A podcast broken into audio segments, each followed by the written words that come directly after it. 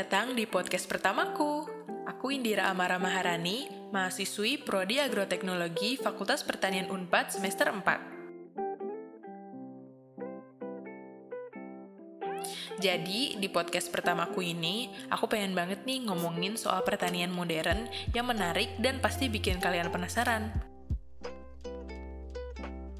Mungkin menurut kalian, pertanian itu hal yang kuno, kayak menanam, terus dipanen, terus dijual. Padahal sebenarnya pertanian lebih daripada itu loh. Dari proses sebelum menanam hingga memanen tanaman pertanian, sekarang sudah memakai alat-alat dan mesin-mesin yang canggih banget. Teknologi pertanian yang canggih tersebut tentu memiliki banyak dampak yang positif bagi para petani, karena dengan bantuan teknologi, proses penanaman, perawatan, hingga pemanenan menjadi lebih efektif, tidak memerlukan banyak biaya deh untuk mempekerjakan manusia, dan juga prosesnya akan lebih cepat kalau dilakukan dengan mesin. Biaya operasional yang dikeluarkan oleh petani juga jadi menurun, padahal hasil yang diproduksi bisa meningkat. Keren banget kan? Nah, aku di sini mau kasih contoh teknologi yang digunakan untuk menanam padi yang disebut rice transplanter. Teknologi transplanter ini direkomendasikan oleh Litbang Kementerian Pertanian untuk memberi jarak tanam yang pas antar tanaman padi saat ditanam. Konsep dari teknologi ini berdasarkan sistem jajar legowo yang berasal dari Jawa Timur. Dengan menggunakan rice transplanter, produksi padi dapat meningkat sampai 30%. Kok bisa sih meningkat sebanyak itu? Itu dikarenakan jarak tanam antar tanaman padi yang tepat akan memudahkan para petani saat memelihara padi. Terus, apa sih rice transplanter itu?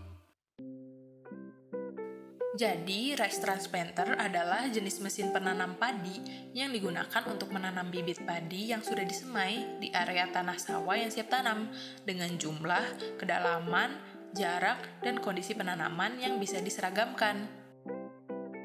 Mesin ini dirancang untuk bekerja di lahan berlumpur seperti sawah dengan badi yang ringan dan alat pengapung.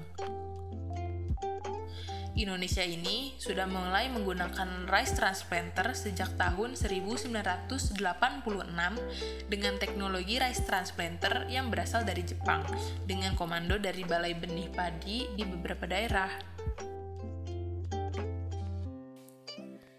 Jadi, ada dua jenis rice transplanter.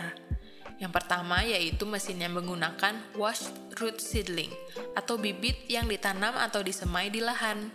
Mesin ini digunakan tanpa harus mengubah cara persemaian bibit yang biasa dilakukan secara tradisional, namun membutuhkan waktu yang agak lama untuk mengambil bibit. Lalu yang kedua, yaitu mesin yang menggunakan bibit yang disemai secara khusus pada persemaian dapok. Nah, mesin transplanter ini cara pengoperasiannya ada dua macam. Yang pertama yaitu transplanter tipe berjalan di mana mesinnya itu didorong secara manual oleh manusia. Dan yang kedua yaitu transplanter tipe mengendarai, di mana mesinnya itu dikendarai seperti traktor. Namun, cara kedua mesin tersebut menanam padi tetap sama, hanya berbeda cara menggunakannya saja.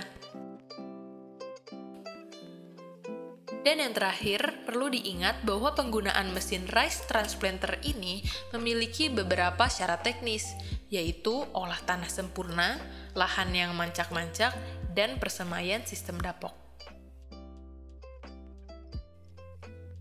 Nah, keren banget kan mesin rice transplanter ini? Banyak banget keuntungannya untuk para petani dan pertanian di Indonesia.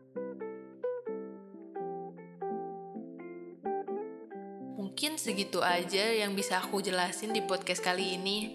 Semoga podcast ini bisa memberi ilmu yang baru buat teman-teman yang ngedengerin. Dan semoga ilmu itu bisa digunakan di masa depan untuk pertanian Indonesia yang lebih maju. Sampai bertemu di podcast selanjutnya. Dadah!